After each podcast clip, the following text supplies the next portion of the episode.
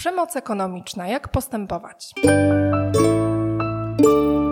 Dzień dobry. Nazywam się Jolanta Skarbowska. Jestem radcą prawnym i prawnikiem rodzinnym. A to jest podcast, w którym rozmawiamy o rodzinie, rodzicielstwie, opiece, wychowaniu i edukacji, czyli o tym wszystkim, co na co dzień dotyka każdą polską rodzinę.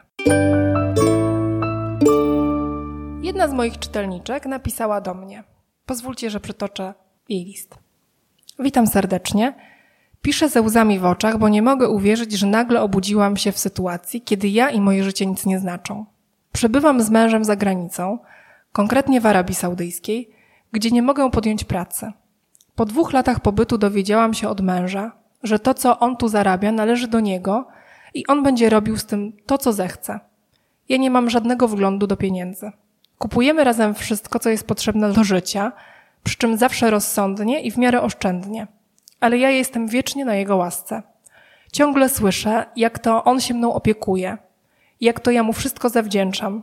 A przecież ja nie przyjechałam tu dla siebie, tylko dla niego.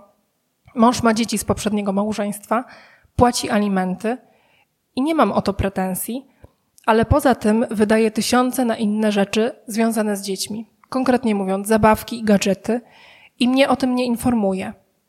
Jego dzieci posiadają konta w banku, bo ich niezależność finansowa jest dla niego ważna. Moja nie. Powiedział mi, że to nie jest moja sprawa i mam się nie wtrącać. Nawet nie mogę zapytać o stan konta, bo mąż się denerwuje. Gra na giełdzie, ale nie wiem jak mu idzie. Ma kilka kont, a pieniądze przesyła z jednego na drugie. Ma karty kredytowe, ale nie wiem jak je spłaca. Jeżeli ja się o cokolwiek upomnę, nazywa mnie materialistką. A prawda jest taka, że to on był bezrobotny, kiedy go poznałam.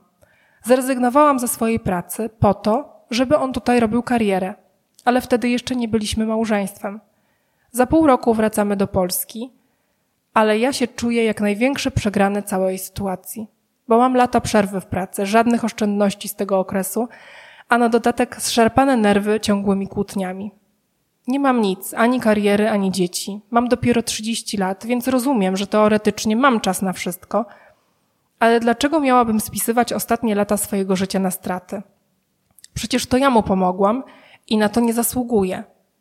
Poza tym mam wrażenie, że ta cała sytuacja odbija się coraz mocniej na mojej psychice. Czy ja przesadzam? Przeczytałam pani artykuł i czy ja jestem ofiarą przemocy ekonomicznej męża? Czy rozumiesz już, czym jest przemoc ekonomiczna i jakie skutki za sobą niesie? W idealnym świecie byłoby tak. Para, kobieta i mężczyzna. Obydwoje zarabiają i zgodnie z własną wolą podejmują wspólnie lub nie, ale za wiedzą drugiej osoby, decyzje ich dotyczące. I te małe, niepozorne, jak gdzie dziś zjeść kolację, czy za ile zrobić zakupy, jak i te większe, czy wziąć kredyt, czy kontynuować naukę, mimo że kolejna wiosna puka do drzwi, a może w tym roku zaszaleć i pojechać w upragnioną, ale tylko przez niego wyprawę w Himalaje. Trochę mm, przygalopowałam z tymi Himalajami, tak wiem, ale idealnie byłoby, gdyby w świecie ludzie rozumieli własną autonomię, szanowali swoją niezależność, a podejmując decyzje uwzględniali zdanie partnera, nie mieli przed sobą większych tajemnic, nie myśleli tylko o sobie, potrafili współdziałać. Wiesz już, że świat nie jest idealny, niestety. Ofiarami przemocy ekonomicznej mogą być zarówno mężczyźni, jak i kobiety. Kobiety stanowią jednak aż 70% ofiar przemocy ekonomicznej. Ofiarami tymi są najczęściej młode mamy z dziećmi oraz panie w wieku od 40 do 50 lat, które życie zawodowe poświęciły na rzecz rodziny. W większości osób przemoc ekonomiczna kojarzy się z ograniczeniem pieniędzy jednemu partnerowi przez drugiego. Czyli na przykład wtedy, gdy mąż nie daje żonie pieniędzy na utrzymanie domu, czy też wydziela jej skromną pensję. Centrum Praw Kobiet do zakresu przemocy ekonomicznej wobec kobiet zalicza również, posłuchajcie, zarządzanie przez męża dobrami żony bez jej zgody, zakazywanie lub utrudnianie podjęcia nauki, ograniczanie dostępu do środków finansowych będących formalnie w dyspozycji obojga partnerów, zmuszanie do składania fałszywych zeznań podatkowych, odmowę brania przez męża udziału w zaspokojeniu podstawowych potrzeb rodziny poprzez uchylanie się od pracy, wymuszanie dostępu do konta bankowego żony, odmawianie dostępu do informacji lub do udziału w podejmowaniu decyzji dotyczących sytuacji ekonomicznej rodziny. Zastanów się, Czy i ty nie znasz kogoś, kto doświadczy ekonomicznej przemocy? Ja spotkałam na swojej drodze wiele takich kobiet. Często nie dociera do nich w ogóle, że w jakikolwiek sposób są ograniczone przez męża czy partnera. No niby coś im w życiu doskwiera, tak jak w naszej czytelniczce, ale nie wierzą do końca, że to coś złego. Widziały, że tak było wcześniej w ich rodzinie, że to nic nadzwyczajnego, że tylko mąż zarabia, a żona siedzi w domu. Tak miała ich mama, wcześniej babcia, no i ma sąsiadka. Jestem przekonana, żeby przyjąć i powiedzieć sobie głośno, jestem ofiarą przemocy ekonomicznej, trzeba osiągnąć określony stan umysłu. Trzeba zrozumieć, że człowiek powinien być wolny, niezależny. Jeśli zrozumiesz, że jesteś wolny, to zrozumiesz też, że to, co ci teraz doskwiera, to chęć ograniczenia tej wolności przez kogoś. Granicą twojej wolności jest chęć wejścia ci na głowę, brak szacunku do twojej mądrości, głuchość i ślepota. Co powinna zrobić ofiara przemocy ekonomicznej? Przede wszystkim przeciwstawić się jej. To przecież proste. Tylko w nieidealnym świecie bardzo trudno zrobić nawet takie proste z pozoru rzeczy. Jeśli wierzysz, że wszystko można zmienić, zacznij od rozmowy z partnerem, może terapii. I jeśli czujesz gotowość do zmian, zakończ trudną relację, toksyczny związek. Czasem wystarczy po prostu odejść, kiedy indziej przed odejściem trzeba zrobić wielkie sprzątanie. Mojej czytelniczce dałam jeszcze kilka prawdziwych życiowych rad. Może przydadzą się też Tobie, posłuchaj. Szanowna Pani, opisana przez Pani historia wskazuje, iż przedstawiony problem jest złożony. Jesteście Państwo małżeństwem stosunkowo młodym. Zanim podejmie Pani jakiekolwiek drastyczne kroki, zalecałabym szczerą rozmowę z małżonkiem. W kwestiach prawnych w pierwszej kolejności radziłabym rozważenie Pani sytuacji życiowej w kontekście stosunku do męża – jeżeli uważa Pani, że więzi łączące Panią z małżonkiem uległy rozluźnieniu na tyle, by podjąć drastyczne działania, to zawsze może Pani rozważyć separację albo rozwód.